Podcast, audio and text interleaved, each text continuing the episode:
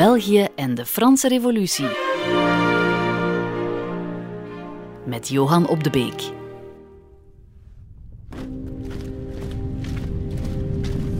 Grote, enorme stofwolken gaan de hemel in op de wegen van Noord-Frankrijk en van het toekomstige België. Een enorm leger is op komst. Het zijn de Franse republikeinse soldaten. En ze zingen uit volle borst met de moed van de mensen die de nieuwe wereld aan het maken zijn. Le chant du départ, waarin ze onverdroten zweren dat elke Fransman, elke Fransman die republikeins is, zijn bloed wil geven voor de goede zaak.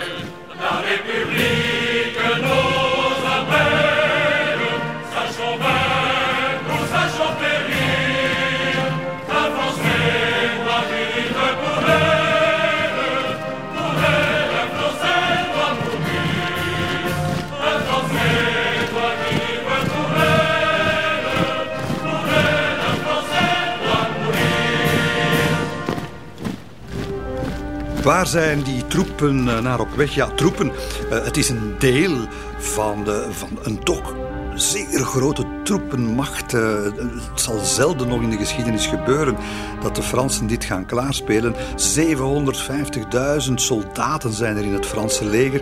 Levé en masse, dus de dienstplicht, maar toen nog met volle overtuiging. Want ze hebben iets om voor te vechten hoor. Ja, ondanks alle problemen van de terreur en het geweld en zo. Uh, maar ondanks dat allemaal zijn het uh, geen onderhorigen meer. Zijn het geen onderdanen meer. Maar burgers van een nieuwe maatschappij die zich aan het democratiseren is. Die gaan het bevrijden is. Die gaan het emanciperen is. En reken maar, reken maar dat die mensen dat weten en daar ook willen voor vechten. Nu, een deel van hen, uh, enkele tienduizenden, die zijn op weg in de zomer van 1794 op weg naar het noorden, naar, uh, ja, naar België, naar de Oostenrijkse Nederlanden. Maar dat gaat niet lang meer duren. Het is al ja, de derde poging eigenlijk die de Franse revolutionairen doen om België in handen te krijgen. Dat is gelukt en dan zijn ze weer buitengekeerd. Ondertussen toestanden van je welste in Frankrijk zelf. Maar nu, nu hebben ze het gevonden. En waar gaan ze naartoe? Wel, het is een plek die daar bijna voor, voor voortbestemd lijkt. Want het gaat om Fleurus. Weet Fleurus, vlakbij Charleroi. Dat is zo'n zo'n een, een, plek die de veldslagen wel lijkt aan te trekken. Uh, de eerste keer is dat gebeurd uh, op 29 augustus 16 22. Hè. Uh, Hollanders en Spanjaarden. 68 jaar later, uh, in, in juli 1690, is dat de Hollanders, Duitsers en Spanjaarden die een flink pak voor de broek gaan krijgen van het leger van de Zonnekoning. En dan een beetje later, na het moment waarop we het nu gaan hebben, in 1815 gaat het is niet echt in Fleurus, maar vlakbij in Ligny, gaat Napoleon hier zijn allerlaatste veldslag winnen. Maar daar zijn we nog niet. We zijn 26 juni 1794 en het gaat een heel belangrijke slag worden. Niet alleen omdat deze slag gaat beslissen over het lot van deze regio, van onze regio, van ons gebied, maar eigenlijk ook van hoe het eraan toe gaat in de Franse Revolutie zelf.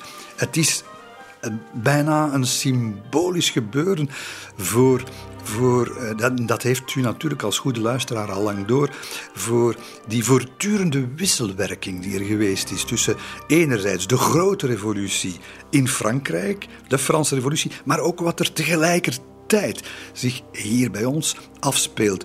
Allemaal minder hoogdravend, misschien ook minder verstrekkend, maar toch, het land is al in die jaren, ons land is al in die jaren geschapen. En goed, Le Chant du Départ wordt gezongen en ze worden geleid door een, een generaal die niet van de minste is, Jourdan. En Jourdan heeft dan bovendien ook naast zich ook nog de, ja, de, bloeddorstige uh, wraakengel, zullen we maar zeggen, van Robespierre. Het is Saint-Just, Saint-Just, de, de politieke commissaris van het leger eigenlijk, de politieke chef eigenlijk van het leger, die, die al beloofd heeft, nog voor ze vertrokken zijn, wie ik zie de rug keren naar de vijand, die laat ik onmiddellijk executeren. En dat geldt zowel voor de kleinste piot tot de hoogste bevelhebber. Hè. Uh, zo, zo trekken ze naar hinder, maar het zal niet nodig zijn, want uh, het, het, het, pleit ook toch wel, ondanks terreur en dergelijke, voor de republiek, uh, dat, dat inderdaad dat geloof in die betere wereld, dat dat, dat toch aanleiding heeft gegeven tot, tot het massaal eigenlijk hè, uh, beantwoorden van die roep van kom jonge, jonge mannen, uh, kom naar het leger, hè, la republiek nous appelle, als we het nu niet, niet klaarmaken, als we, als we nu het land niet verdedigen, wanneer moeten we het dan wel doen? Hè? Het gaat nu echt om onze zaak. En voilà, dankzij die dienstplicht hebben we nu toch wel een, een fameus leger dat, uh, dat het gaat nog eens proberen op te nemen tegen, uh, tegen de Oostenrijkers. En er moet gewonnen worden hoor. Er zal ook het nodige, de nodige druk opgezet worden. Saint-Just natuurlijk, Jourdan zelf, want die weet als hij niet wint, hè, dat is echt een opdracht van de conventie van de volksvertegenwoordiging. We moeten die Belgische regio in handen hebben. Ja, dan is het met Jourdan binnenkort ook uh, gedaan. En Voilà. Uh, ze zitten in België. Ze gaan vanuit Maubeuge Charleroi proberen te belegeren.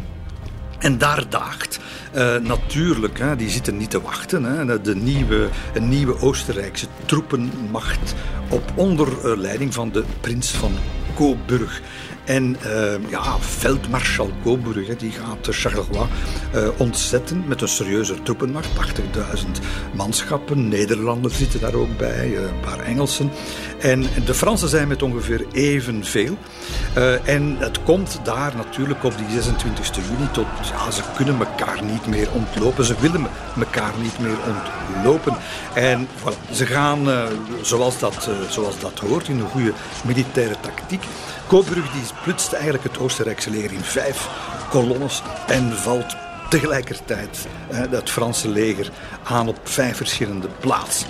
En breekt daardoor door de twee Franse vleugels. Dat betekent eigenlijk, als je dat in klassieke militaire termen van die tijd bekijkt, afgelopen. Hè? Einde verhaal. Als je, als je ze kan uh, envelopperen, zo, hè? dus omringen hè? op die manier, ja, dan, dan gaat het centrum, waar de grootste, het grootste deel van de troepen staat, die gaan instorten.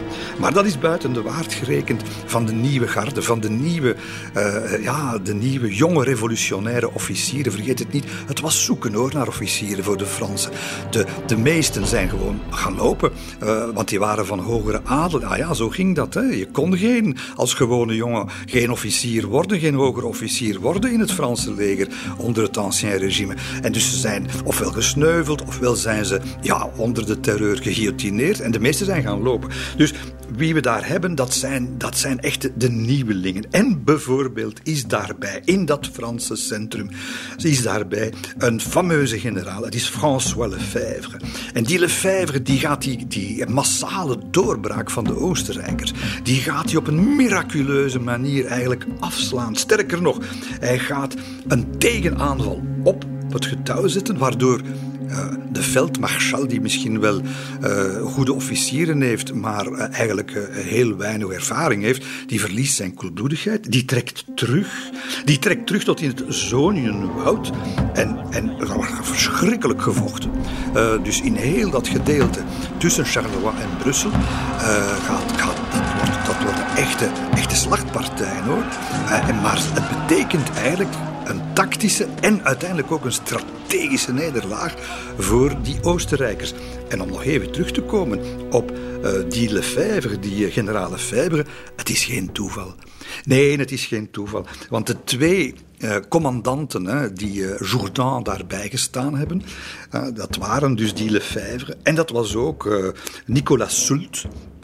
Wel, allebei uh, worden later de voornaamste, horen bij de voornaamste generaals en maarschalken van de grote Napoleon. Lefebvre die wordt later commandant van de garde impériale, ja, dan moest je dus, dan, dan, dan, dan moest je wel je vleugeltjes droog hebben hoor, als, eh, als bevelhebber om, uh, om zoiets te mogen doen. En, en zie je, en, ze, en, en het is daar dat ze het leren. Het, het zegt ook al iets over dat Napoleontische leger dat binnenkort gaat, hè, onder, onder Napoleon, enfin binnenkort, binnen een jaar of hè, vier, vijf zo, onder Napoleon Europa gaat veroveren. Wel, dat is daar gevormd. Dat, dat, begint, dat begint eigenlijk bij ons. Dat is eigenlijk in die slag van Fleurus voor de eerste keer is dat eigenlijk op een heel goede manier geleid. Ze zijn daar door het vuur gegaan, door hun vuurdoop gegaan.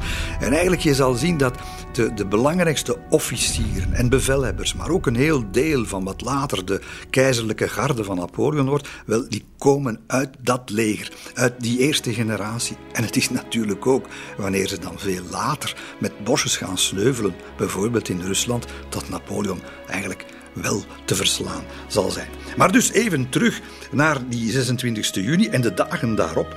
Het is een doorbraak. Het is een doorbraak die gaat leiden tot de val van, van, van de Oostenrijkse Nederlanden. Eh, ook de Hollandse Republiek zal er moeten aan geloven, een beetje later. En de Oostenrijkers die hebben het nu echt gehad met de, met de lage landen. Nooit meer gaan ze nog investeren, manschappen, geld, politiek. Het, het is genoeg geweest. Dit heeft te veel kost. En dat geldt niet alleen trouwens voor uh, de, de regio uh, Vlaanderen en Limburg en dergelijke, maar ook voor Luik. Hè? Luik het gebied waar uh, onze, onze revolutionaire held François Robert vandaan komt. Luik zal ook vallen, geen prinsbisdom meer. Uh, de slag van Fleurus gaat, gaat, gaat echt wel het, het hele verhaal België doen kantelen. En de Fransen gaan het initiatief nooit meer uit handen geven. Ze gaan, uh, ze gaan ook uh, België eigenlijk bijna niet meer, uh, niet meer kunnen kwijtspelen. En het zal eigenlijk tot de val leiden van de eerste grote anti-revolutionaire coalitie, de eerste coalitie in 1797. België en de Franse Revolutie.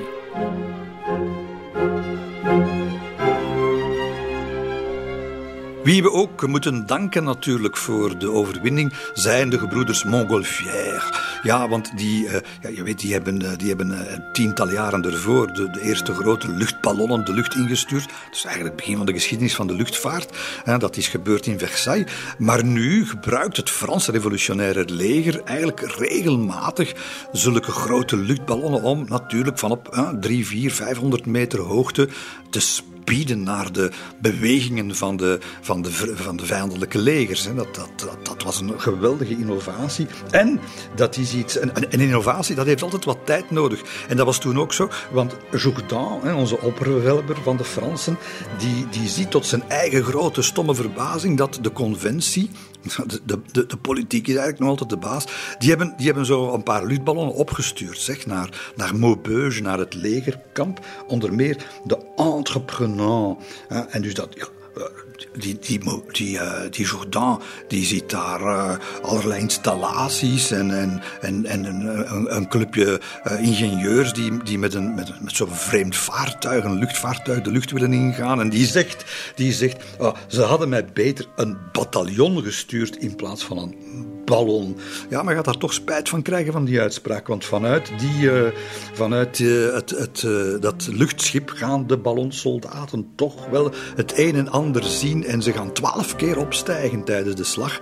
En ze gaan van op grote hoogte eigenlijk Jourdan voortdurend kunnen nuttige informatie geven over de Oostenrijkse troepenbewegingen. En het blijft een, een van de, van de raadsels er zijn er vele natuurlijk die, om, die Napoleon omgeven later.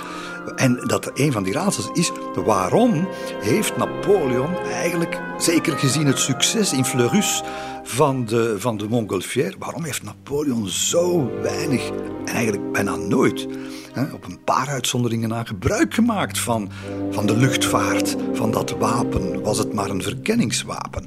En, en het antwoord zijn we nog altijd schuldig. Het was een beetje een conservatief natuurlijk. Het misschien zijn Corsicaanse inborst geweest.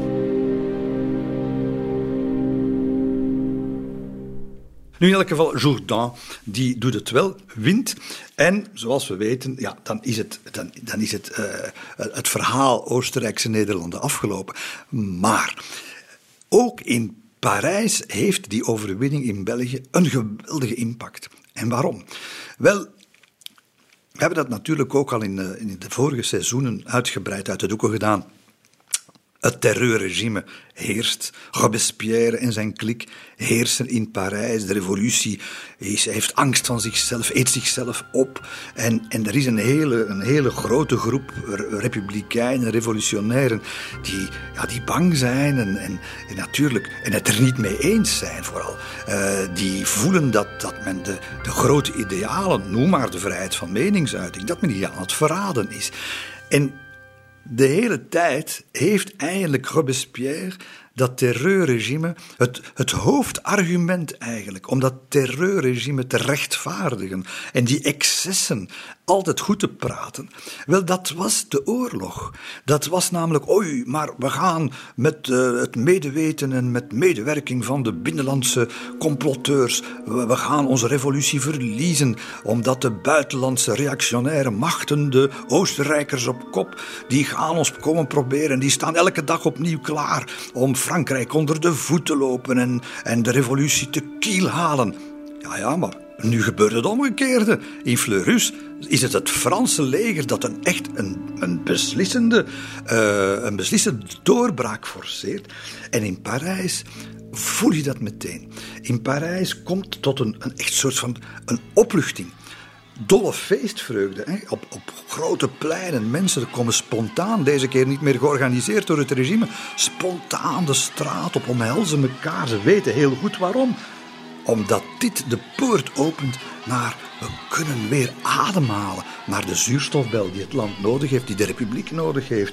Er hangt verandering in de lucht.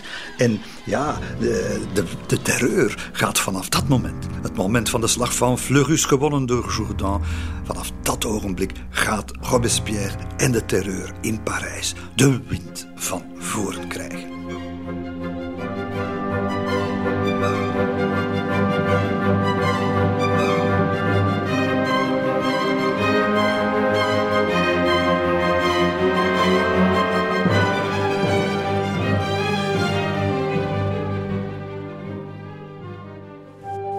Het is mee door de, de doorbraak, de militaire doorbraak in België, dat uiteindelijk het terreurregime gaat vallen. En we in een nieuwe fase, de slotfase, belanden van de Franse Revolutie.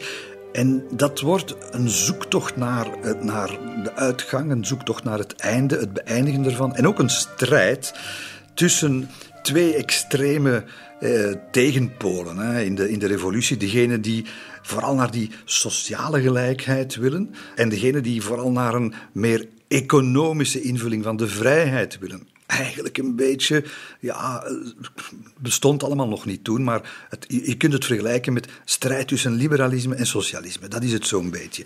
En, en die strijd die gaat uiteindelijk toch ook weer zijn beslag krijgen bij ons, want uh, men moet natuurlijk uh, de zaak hier komen besturen. Er worden dus uh, commissarissen van de conventie, dat zijn dus echte volksvertegenwoordigers, naar het land gestuurd, ik bedoel naar België gestuurd, terwijl men nog aan het nadenken is hoor, van ga, wat gaan we doen met, met die streek?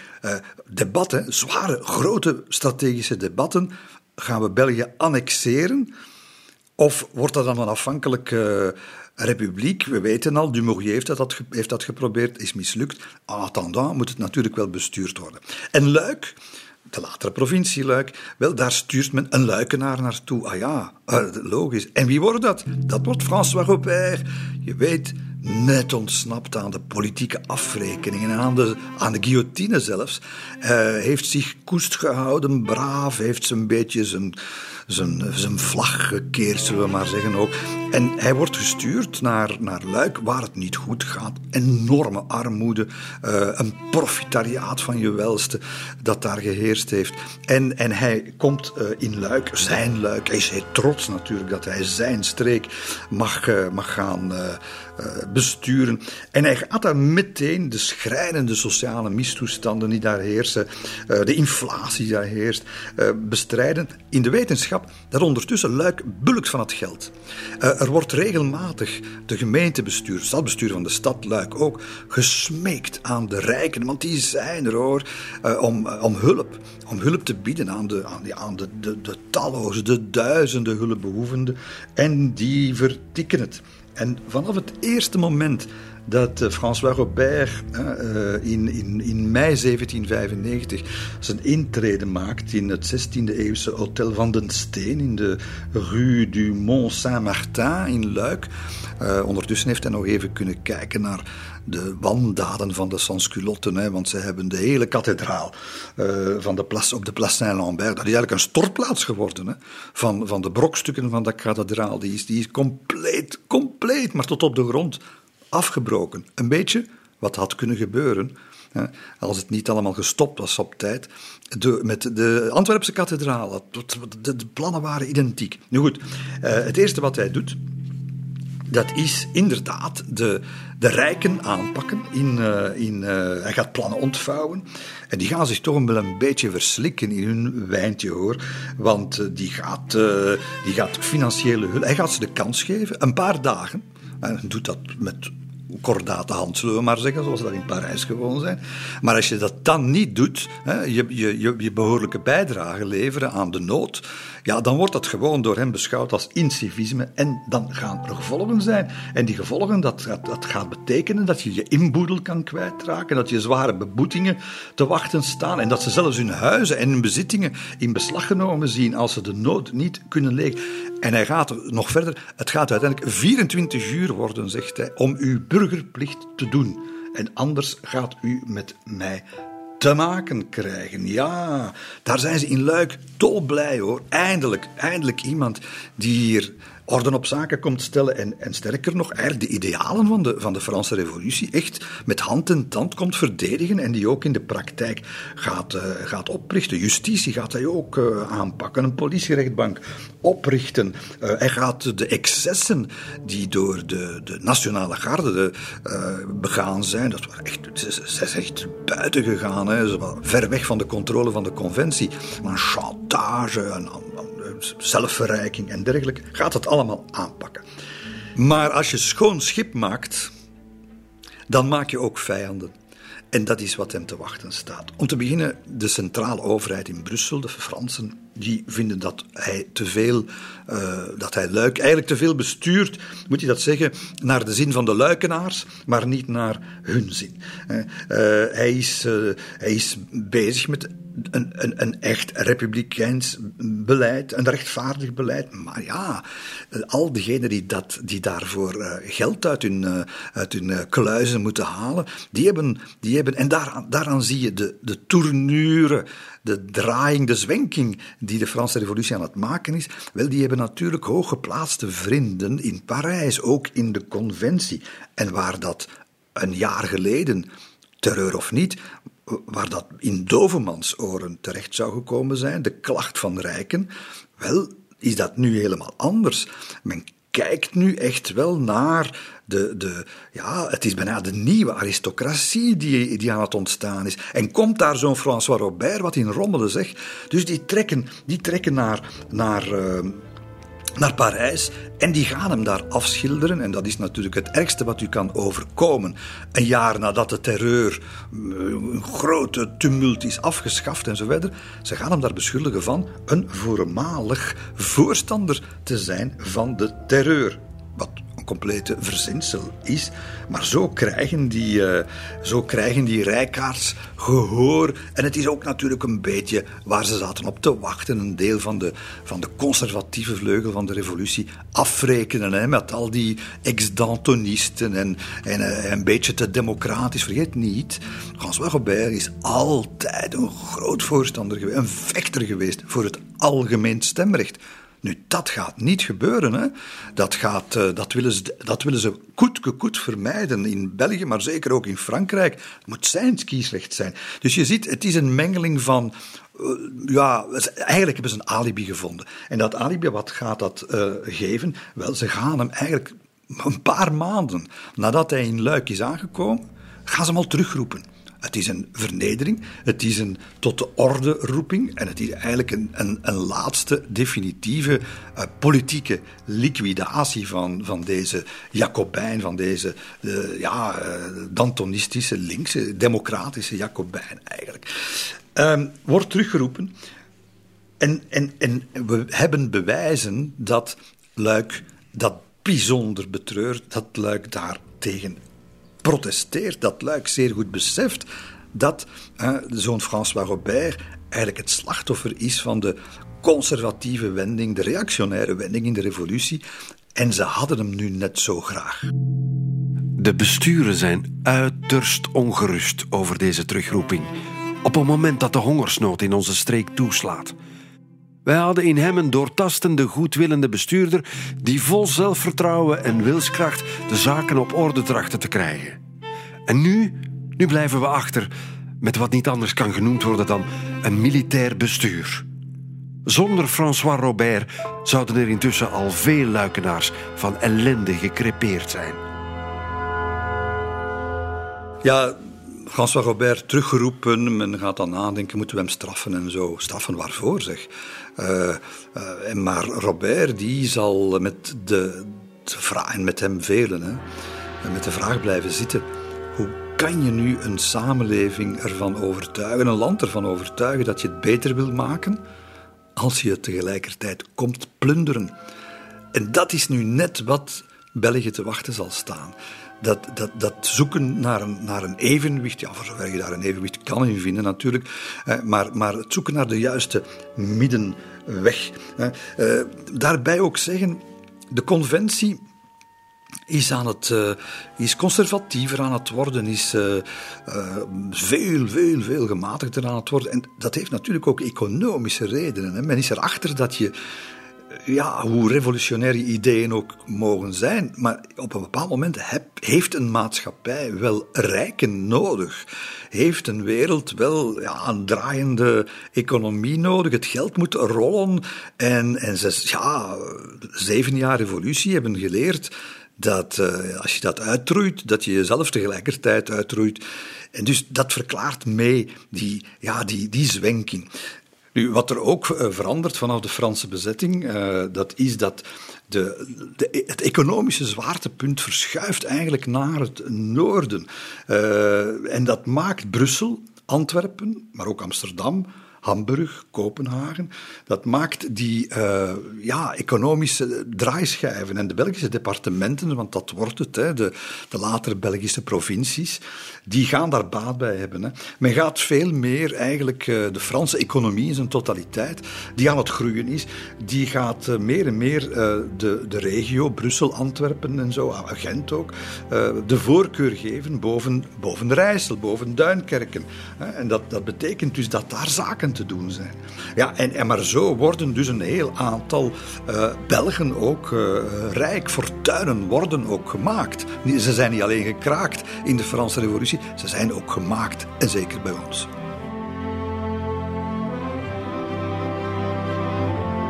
Nu vanaf 1795, Jourdan, Fleurus en zo.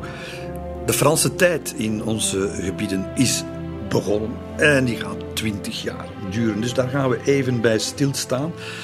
Uh, zal België een vazalstaat worden? Wordt het deel van Frankrijk? Dat ligt nog allemaal in de balans.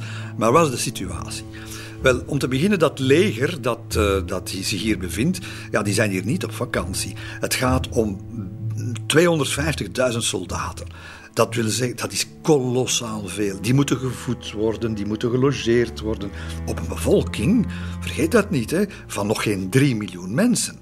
Dus dat, dat, ja, 1 op de 10 bewoners van België is militair, is uh, actief soldaat. Ja, dat, dat is een enorme last die op de, op de schouders van uiteindelijk van de bevolking gaat drukken. Bovendien, tweede probleem, Frankrijk zelf is niet alleen bezig op militaire vlak uh, met, met, uh, met de verovering van, van de voormalige Oostenrijkse Nederlanden, maar heeft een burgeroorlog uit te vechten in de Vendée. In het zuiden van het land is, zijn er problemen met de Oostenrijkers, een beetje overal. En dat kost handenvol geld, met die schatkist die nog altijd niet gevuld wil raken. Wat wil dat zeggen? Dat wil zeggen dat ze in alle veroverde gebieden, niet alleen bij ons, maar dat ze, daar, dat ze naar de centen komen hengelen. En, en met verbijsterende duidelijkheid soms. Hè. Carnot, een van de sterkhouders in, het, uh, in de regering, die, uh, ja, ze noemen, ze noemen België het broederland. Ze komen ons bevrijden, maar uh, als hij schrijft over zijn gezanten, Carnot, wat die hier moeten komen doen, ja, dan, dan hou je je hart vast. Hè. De enige regel is dat we het land niet in opstand willen brengen of ermee willen verbroederen. Het is ons compensaties verschuldigd. En wij dienen er bij gevolg alle middelen weg te halen die een nieuwe invasie door de vijand zouden kunnen ondersteunen. En de reden waarom eh, ik zeg dat hij alarmerend duidelijk en misschien zelfs eerlijk is, dat is omdat hij zijn gezanten, uh, die noemt hij agent de commerce et d'extraction. Dus dat zijn ambtenaren voor, als je het letterlijk vertaalt, voor handel en uitbuiting. En die moeten dus overal, in elke Belgische stad, uh, een inventaris maken van, van grondstoffen, afgewerkte goederen, levensmiddelen, uit vee, uh, alle mogelijke brandstoffen, machines, noem het maar op. Ja, dat, dat, dat is natuurlijk ook. Eh, het, het, gaat leiden tot die eerste jaren van de Franse tijd, tot armoede natuurlijk. Hè. Mensen gaan moeten, uh, moeten dokken. Uh, allerlei commissarissen en, en allerlei Franse agentschappen die buitelen over elkaar heen hier in, uh, in België om, om te zoeken naar alle mogelijke middelen die de Republiek kunnen, kunnen helpen. Ehm, ja, en, en, en, en, dat is, en dat in een gebied dat, niet te vergeten, sinds de Brabantse omwenteling hè, van, van 1789 eigenlijk constant instabiel is geweest. Voortdurend met politiek geweld, met invasies, met veroveringen en heroveringen heeft de kampen gehad. Ja, het is natuurlijk, je moet er geen tekening bij maken. Ons land, enfin, ons gebied hier, onze regio is moreel ontwricht en economisch verwoest en ook administratief compleet in de steek gelaten. Want uh, als de Oostenrijkers hun biezen pakken, ja, dan vlucht heel hun administratie ook mee. Dus wanneer die Fransen hier aankomen, dan zijn de meeste gemeentebesturen en, en, vooral de administraties die voor treilen en zeilen van een staat of voor, voor een stad instaan, die zijn er niet meer. Dus je, je, je zit in een niemandsland, je zit in een, in een administratieve overheidswoestenij werkelijk dat allemaal samen betekent dat onze voorouders in die jaren, die hebben vreselijke zwarte sneeuw gezien. Hè? En de, de Fransen ze, ze, beseffen dat hoor. De, de Fransen ze hinken op twee gedachten. Een Carnot die ziet maar één ding: dat is uh, we moeten de oorlog winnen en we moeten vooral Frankrijk boven water houden. Maar de gezanten die hier ter plaatse zijn, bijvoorbeeld een, een Lefebvre de Nantes, die, die ziet ter plekke hier, want hij zit vaak in Brussel en, en ook in Antwerpen, en die ziet ter plekke eigenlijk, ja, en die meldt dat ook hè, aan Parijs, uh, zijn ergernis over de onophoudelijke uh, geschillen en, en de onvrede die de Fransen veroorzaken. Elke dag breken er bloedige vechtpartijen uit tussen de inwoners en de troepen. De eerste willen niets ruilen, terwijl de laatstgenoemde er natuurlijk niet mee instemmen om te sterven van de honger. Er gaat geen dag voorbij of de commandant meldt de dood van verschillende vrijwilligers of inwoners die zijn omgekomen in deze incidenten.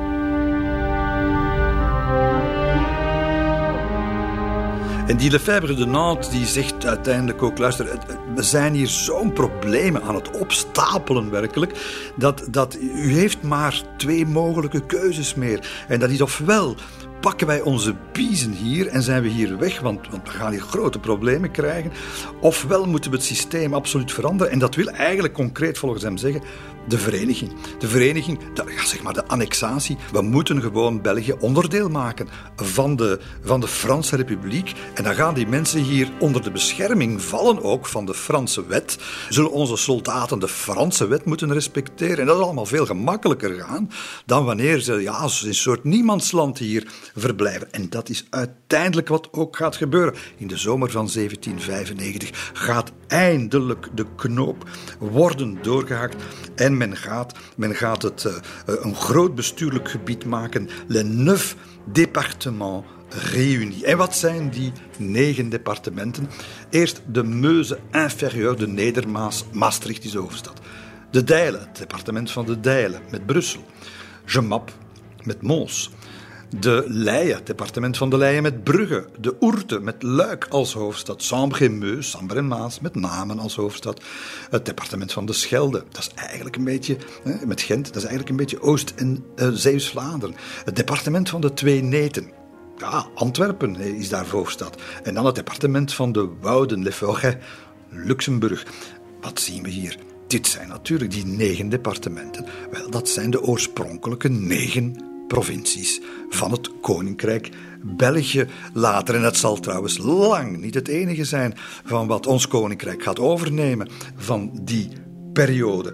En hoe reageert onze bevolking op die aanhechting? Wel, je kunt helemaal niet zeggen dat het grote opstand is en groot. Nee, die aanhechting die, die wordt eigenlijk, en zeker in de steden, zo zijn zelfs feesten, maar die wordt eigenlijk uh, je, kan zeker niet zeggen dat ze breed gedragen is, dat ze uh, ja, eh, beantwoordt aan een algemene wens of zoiets. Fransen willen dat graag natuurlijk doen uitschijnen, larien, apenkool, maar er is ook geen opstand. Hè? En je kunt dat ook begrijpen, want die annexatie, het invoeren van de Franse wetten, wel, dat heeft, ja, dat heeft in de ogen van sommigen een heleboel nadelen, maar het grote voordeel dat men verwacht is de terugkeer, eindelijk, sinds zoveel jaren, de terugkeer van normaliteit, van stabiliteit, van recht en orde. Want de, de, de 15 maanden die we net achter de rug hebben, sinds de slag van Fleurus, ja, dat is een verschrikking geweest. En, en, en, en ja, dan is het nog beter om, om Frans te zijn dan om gewoon niet meer te zijn. Dat is wat de meesten hier, hier denken.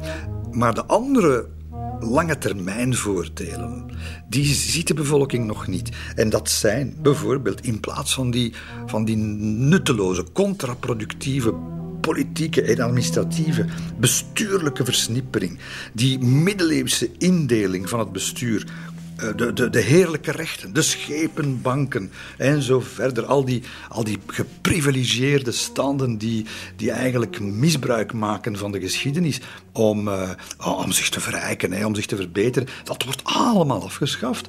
En heilzame hervormingen komen in de plaats. De burgerlijke stand, een gecentraliseerd, veel democratischer bestuur.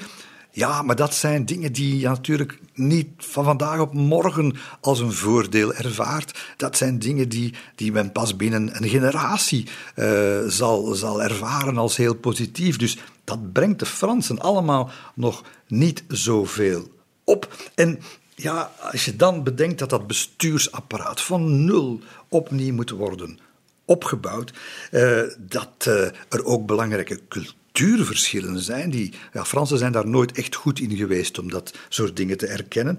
Ja, dan, dan weet je dat, dat men. Eh, toch gaan ze daar. Ze gaan daar omzichtiger mee omspringen, zal ik maar zeggen, dan, dan we vandaag soms denken. Eén van de zaken die bijvoorbeeld opvalt, is dat je vrij snel, en dat is nog nooit gebeurd in de geschiedenis van ons land, dat men vrij snel alle bestuursdaden en met name alle wetten die publiekelijk ook bekendgemaakt worden, dat die niet alleen in het Frans, maar dat die ook in het Nederlands, zeg maar in het Vlaams, zullen uh, vertaald en gepubliceerd worden. Uh, ja, er, er zijn nog niet zoveel Vlamingen op dat moment die kunnen lezen en schrijven, dat is waar, maar toch, dit is toch wel meer dan symbolisch. Dit is toch wel een, een, een, naar de Franse republikeinse geest inderdaad toch wel een vorm van gelijkheid en van, van rechtvaardigheid die daar wordt ingevoerd. Maar het fundamentele verschil ligt niet daar. Het fundamentele meningsverschil ligt niet bij de taal, het fundamentele meningsverschil ligt natuurlijk bij de cultuur. En het is Dumouriez, ik wil hem nog even citeren, die daar al vroeger voor gewaarschuwd had. De meeste Belgen zijn bevooroordeeld met betrekking tot de Franse Revolutie. Hun meningen over vrijheid, godsdienst en moraal zijn volledig tegengesteld. Alle eisen van de steden zijn het werk van een handjevol mensen die de meerderheid onderdrukken.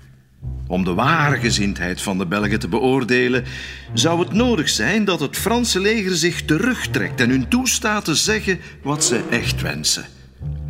Het verzoek dat in de maand februari door een paar bestuurders in enkele provincies is gedaan om te worden geannexeerd, kan men niet als een vrije wens beschouwen.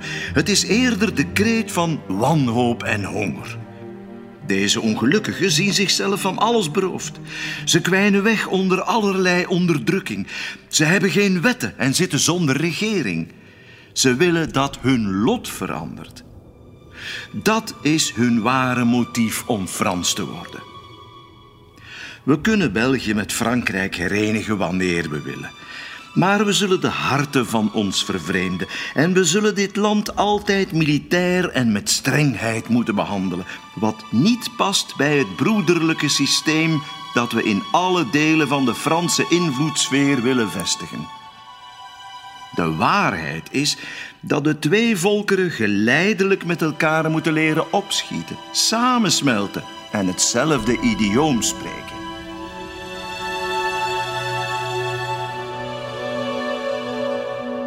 Moeilijke situatie. En dat terwijl die Fransen eigenlijk, ja, er zijn daar plunderaars bij geweest, zeker. Er, er is een hardvochtig uh, opeissingsbeleid geweest, zeker.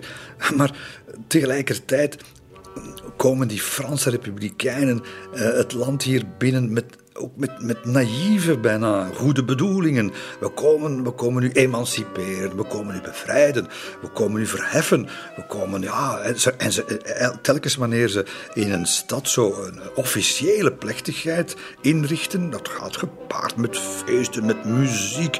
Uh, niet de moeilijke stukken, want we moeten het volk verheffen en dan moet je niet te moeilijk doen. Uh, zangkoren van fraaie freules die op podia dansen met de wimpels en uh, mooie kleurtjes in de haren. En dan het planten natuurlijk in het centrum van, van zo'n stad, dorp, gemeente. Van de vrijheidsboom. Ja, het, het smaakt, het ruikt naar een soort van van romantische hunker naar het paradijs bijna, naar de, naar de betere wereld. Hier is hij, we hebben hem. Hier is die boom die dat allemaal symboliseert.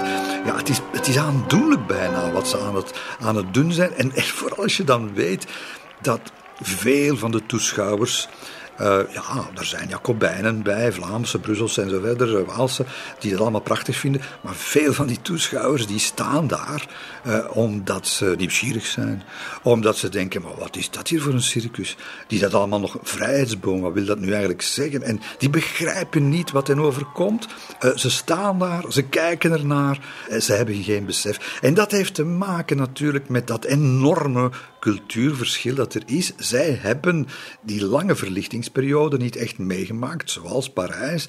Zij hebben die hele revolutionaire periode met, met die debatten, met die, al de goede dingen die in Parijs ook gebeurd zijn, hebben ze allemaal niet meegemaakt. Het is een beetje wat Napoleon ook gaat overkomen in Spanje, jaren later, jaren, tien jaar later. Napoleon gaat Spanje binnentrekken, het, het achterlijke Spanje, waar de mensen werkelijk onder de knoet liggen van de pastoor, dom gehouden worden, doelbewust ongeletterd gehouden worden, uh, in, in een middeleeuwse state of mind gedrongen en verknecht worden. En de Fransen voelen zich geroepen om, om hen te komen emanciperen en de revolutie daar naartoe te brengen. En ze denken, en Napoleon denkt dat ook, ze denken van, men, dat, men zit op ons te wachten. Maar zo werken die dingen natuurlijk niet. De mensen, de mensen zitten vast in hun patronen, in hun cultuur natuurgewoontes uh, en zo meer. En ze hebben die Fransen helemaal niet gezien als bevrijders. En dat is in mindere mate. We waren toch wel wat meer geëvolueerd dan het toenmalige Spanje. Maar toch ook wel hier gebeurd hoor. Men begrijpt het eigenlijk niet. Men ziet ook nog zoals ik daarnet al gezegd heb, men ziet ook nog niet de directe voordelen die onmiskenbaar waren, maar je ziet daar nog niet de resultaten van. En dat maakt dus dat men te midden van een soort van onverschilligheid dat men aan die Franse tijd uh, gestalte begint te geven. En als je van cultuurverschillen spreekt, is er natuurlijk nog één heel belangrijke factor uh, die we niet onbesproken kunnen laten. zeer terecht hebben de Franse revolutionairen van in het begin gedacht: we gaan er nooit in lukken om de nieuwe wereld te creëren als we er A. niet in slagen om uh, de macht van de kerk binnen de staat te liquideren. Dat wil zeggen de scheiding van kerk en staat. Twee, zelfs ook de financiële en economische macht van de kerk om die eigenlijk uh, ja, te ontmantelen. Hè. Vandaar de nationalisaties van de kerkbezittingen, die trouwens ook uitzinnig groot waren. Uh, en, en, en die twee dingen hebben ze gedaan en dat heeft ook vruchten afgeworpen in die zin dat die kerk veel minder machtig was.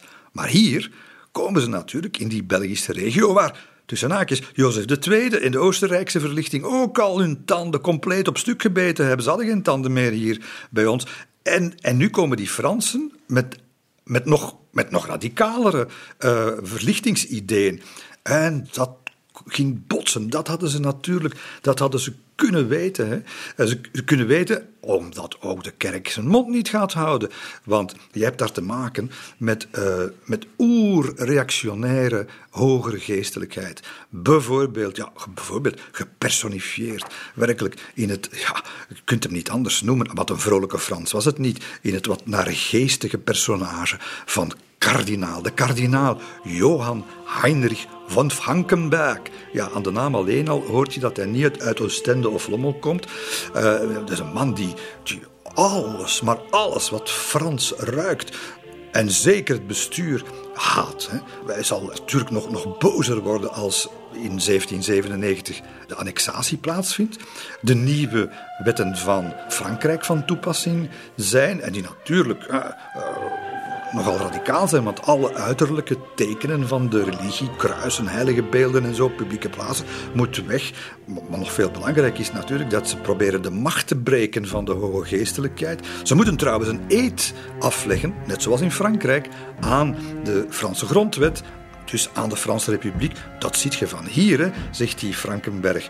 Die, uh, die, die, die, die, wil daar niet aan. Die zegt letterlijk, de monarchie, zegt hij, dat is een politieke creatie van God. Uh, ja, toen kon je daar nog mee wegkomen met zulke zaken. En maar dus als God dat zo gewild heeft, dan kunnen wij daar niet aan tornen. Dus elke priester die toch die eed wil afleggen, dat is zijn vijand. En er zijn er, er, zijn er een heel aantal die, die wel voor die hervormingen zijn, die wel eigenlijk, net zoals in Frankrijk trouwens, die wel eigenlijk inzien dat kerk en staat gescheiden moeten worden en dat de kerk eh, terug een beetje naar het voorbeeld van Christus het wat eh, armer aan mag doen. Maar, maar de Mechelse aartsbisschop, die, eh, nee, daar is geen sprake van. Nu, Mechels, hij is uh, van zodra die Fransen één voet in het land zetten, is hij weg. Hij heeft de benen genomen uit zijn bisdom, maar dat wil niet zeggen dat zijn invloed weg is. Want hij gaat herderlijke brieven schrijven bij de vleet. En dat, is niet, dat gaat niet over de maagd Maria, maar dat gaat over de kwaadaardigheid van de Fransen. Hij zal de relatie met de Franse overheid echt op scherp zetten. En hij zal meer doen dan dat. Hij zal de gelovigen met name in Vlaanderen ook, echt openlijk aanzetten tot verzet. En hij zal hen zeggen, hij zal hen zeggen, kijk, als u u verzet tegen die, uh, die Franse uh, duivelse ideeën, dan zal u een martelaar worden van het geloof. Ja, waar hebben we dat in recentere tijden nog horen zeggen? Onder zijn dienaren zijn er sommigen aan wie God zich verwaardigt de meest glorieuze overwinning te schenken, de eer van het martelaarschap, zegt von Frankenberg. Als de dag komt dat u zal moeten vechten, vecht met moed en bied weerstand met vertrouwen. Frankenberg schrijft het allemaal vanuit Duitsland, maar hij zorgt er bijna voor dat het in de Belgische kerk tot, tot bijna tot een schisma komt. Hè? Want uh, ook, ook gelovigen die bijvoorbeeld te lang vastenavond vieren, dat kan niet, hè? dat is heidens. Hè? Dat is al de schandalige invloed van de Fransen, zegt hij.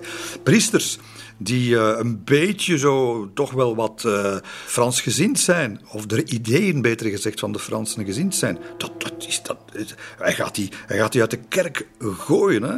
En er zijn er nogal wat de logica inzien van een eed van trouw aan, aan, aan, aan, aan, aan je land en aan die republikeinse wet. De uh, bisdom Doornik bijvoorbeeld, die, die zijn mee, namen zijn er mee. De vicaris-generaal van Mechelen is ook mee, die gaat zonder morren die eed afleggen. Hij wordt gewoon hij wordt de laan uitgestuurd eerlijkheidshalve moeten we erbij zeggen dat ondertussen die Fransen ook wel niks doen om zich geliefd te maken bij het eh, katholieke volk. Hè? Want we zitten in wat men noemt de beloken tijd.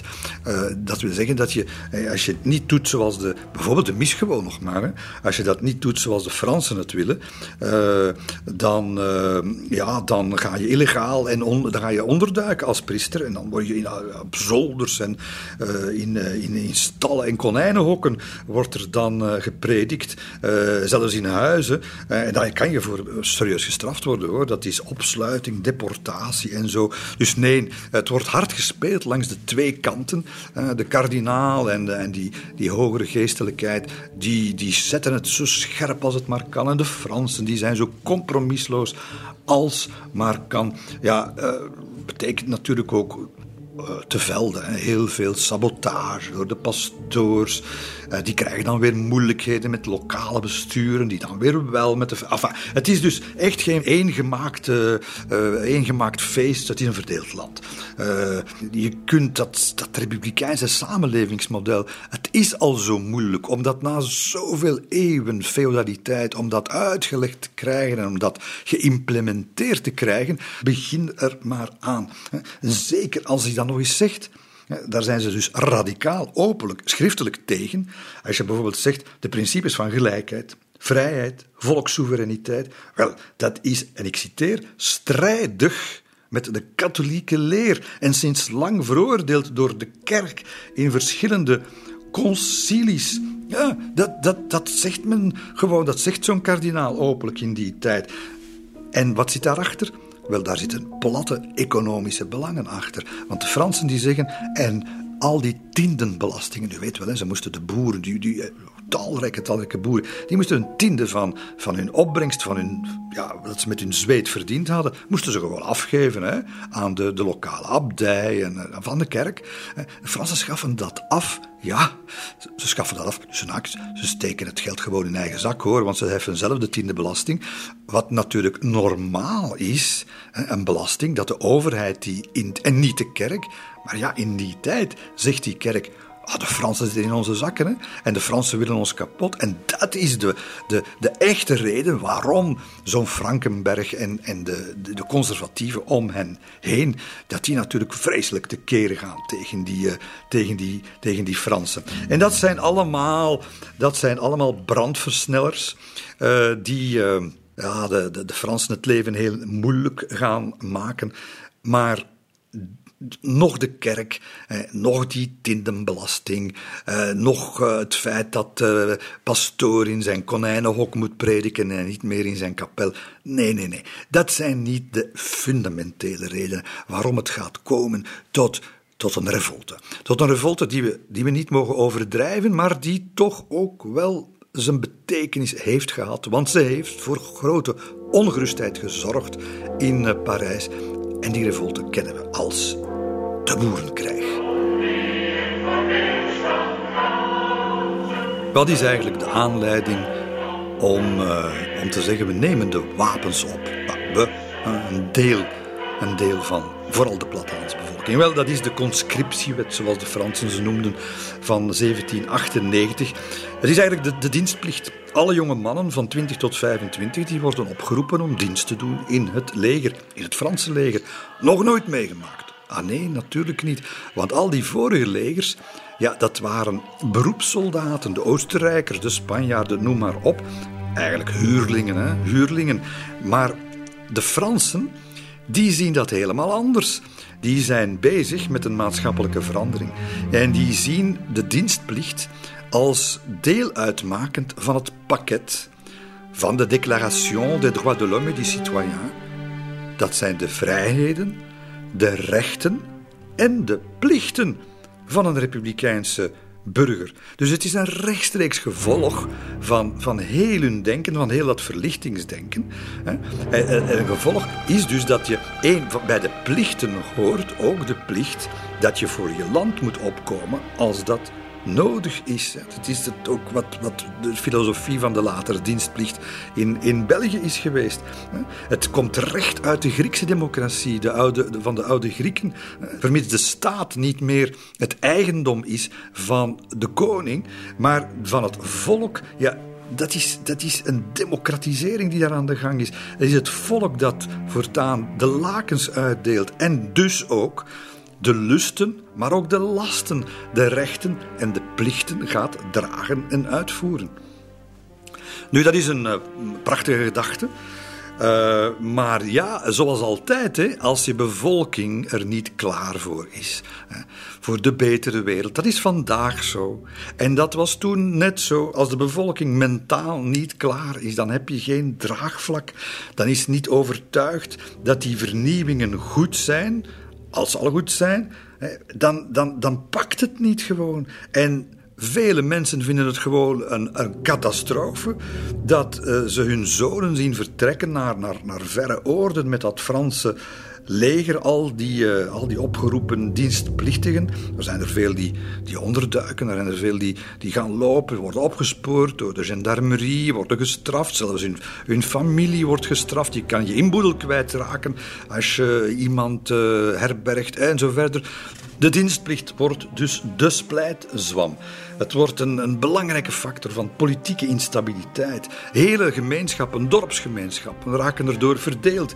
Uh, republikeinen, eh, Fransgezinden zijn meestal wel wat in de minderheid, uh, maar toch, hè, er is grote verdeeldheid over hoor.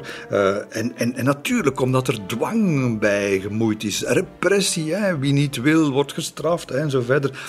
En dus datgene waar de reactionair Frankenberg, de kardinaal, op gehoopt had, zal ook gebeuren alleen om een heel andere reden dan wat hij had uh, gewild.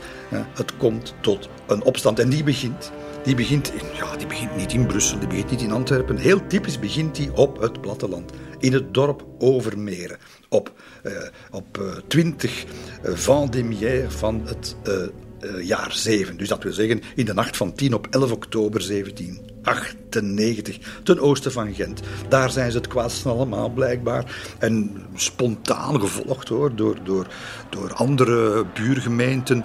Uh, maar het verloopt allemaal, ja, als het spontaan verloopt, dan is er geen, dan is er geen organisatie natuurlijk.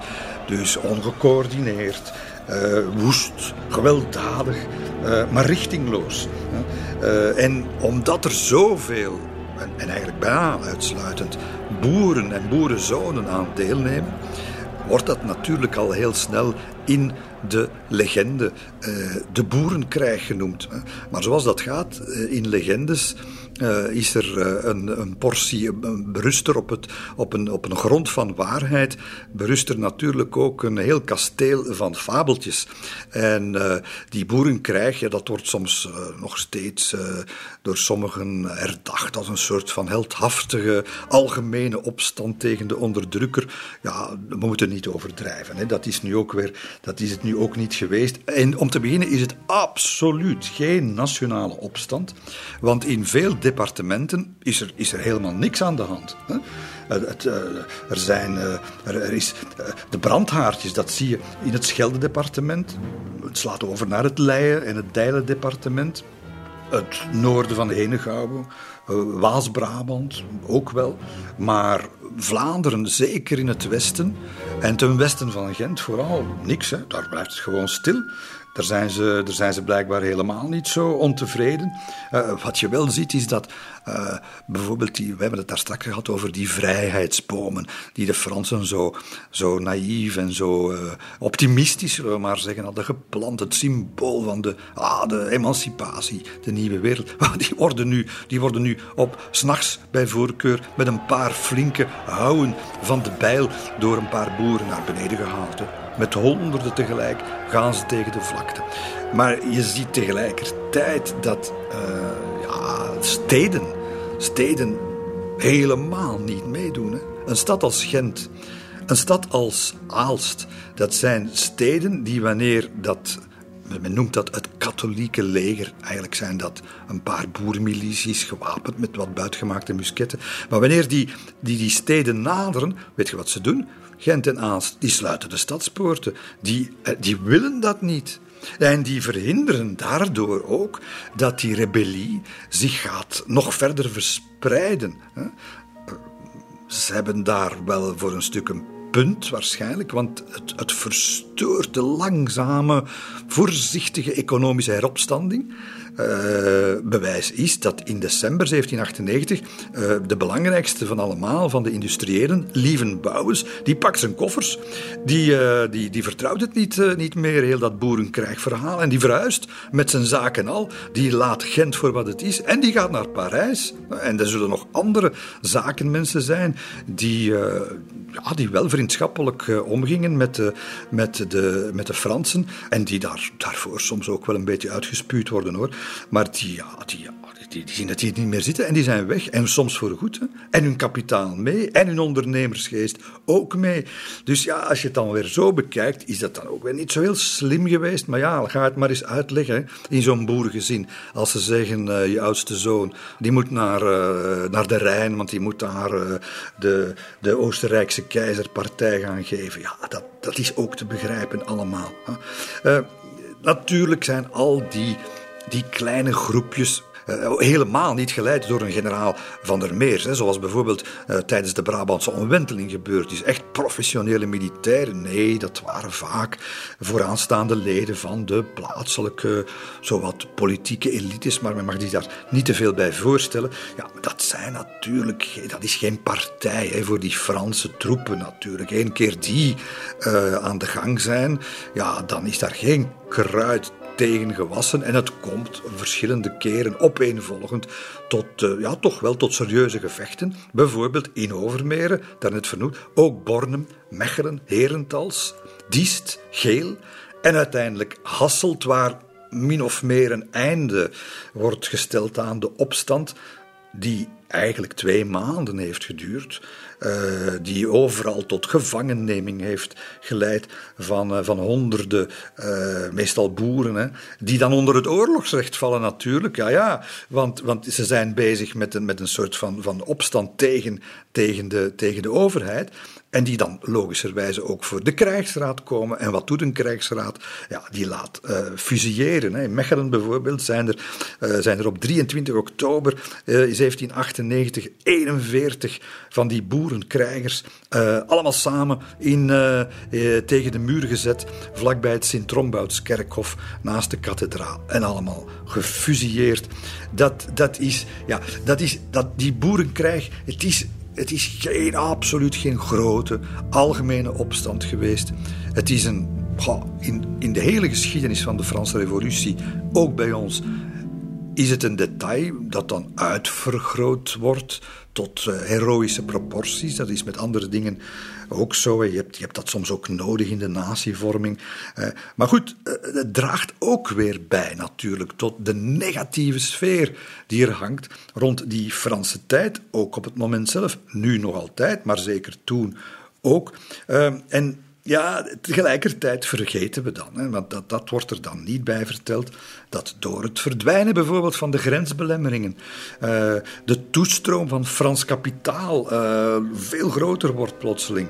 Dat, uh, dat de kolenmijnen in Wallonië, bijvoorbeeld in Henegouwen, dat die hun, hun Franse concurrenten serieus beginnen te overklassen. Dat de textielindustrie een, een, een geweldige opening krijgt op de Franse markt.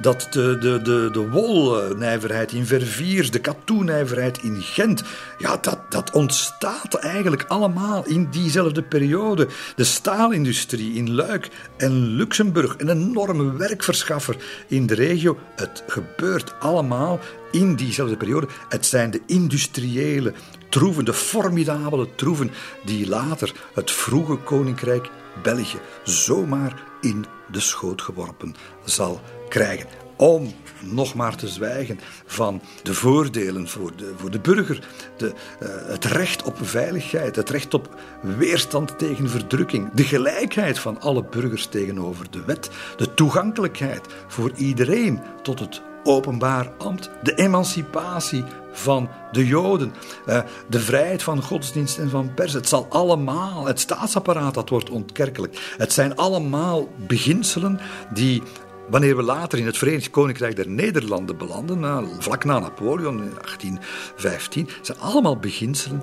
die onverkort van kracht zullen blijven en die uiteindelijk de fundamenten gaan worden van het toenmalige en van het huidige België.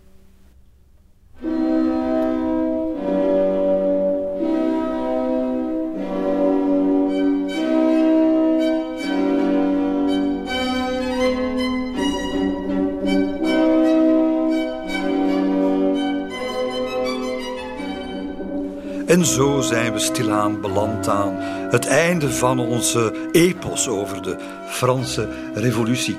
Uh, is, het, is het dan allemaal niet meer geweest dan een fantastische episode in onze menselijke geschiedenis? Wel, voor sommigen ongetwijfeld. Uh, de, de, geweldige uh, Franse politieke denker en, en, filosoof de Tocqueville, die heeft ooit eens gezegd: Het is het lot van dit buitengewone wezen dat we de mens noemen dat hij net voldoende verlichting heeft gekregen om hem te doen inzien hoe miserabel zijn bestaan is. Maar niet genoeg om het ook te kunnen veranderen. Wel, daar zit veel waarheid in, maar het is niet de volle waarheid. Want mensen als François Robert, maar zelfs Georges Danton, ook de kleine Jacobijnen die in Brussel of Antwerpen dachten dat ze de wereld moesten verbeteren. Wel, ze hebben hem verbeterd. De waarden van de verlichting, de waarden van de echte waarden van de Déclaration des droits de l'homme et du citoyen. Ze, ze zijn met vallen en opstaan is het gebeurd hoor. En ze zijn nooit echt perfect tot op de dag van vandaag in voegen getreden. Maar zonder die revolutie hadden we ze niet gehad. Zij zelf waren er pessimistisch over, dat is waar, en daar heeft Tocqueville een punt. François Robert bijvoorbeeld zal eindigen ja, in, in droefenis en eenzaamheid. En, en zelfs de mannen van de Belgische revolutie, die eigenlijk de kinderen waren van de Franse revolutie, zoals de vergeten held Louis de Potter, de bekende held, zoals Jean de Bien. Wel, ook zij hebben met de tanden geknarst. Ook zij hebben gedacht van, was het dat maar? Hebben we dat maar kunnen bereiken? Maar ik zeg, als we 200 jaar terugkijken en zien wat ons land vandaag is, ondanks zijn imperfecties, dan kunnen we alleen zeggen, dank u Franse Revolutie.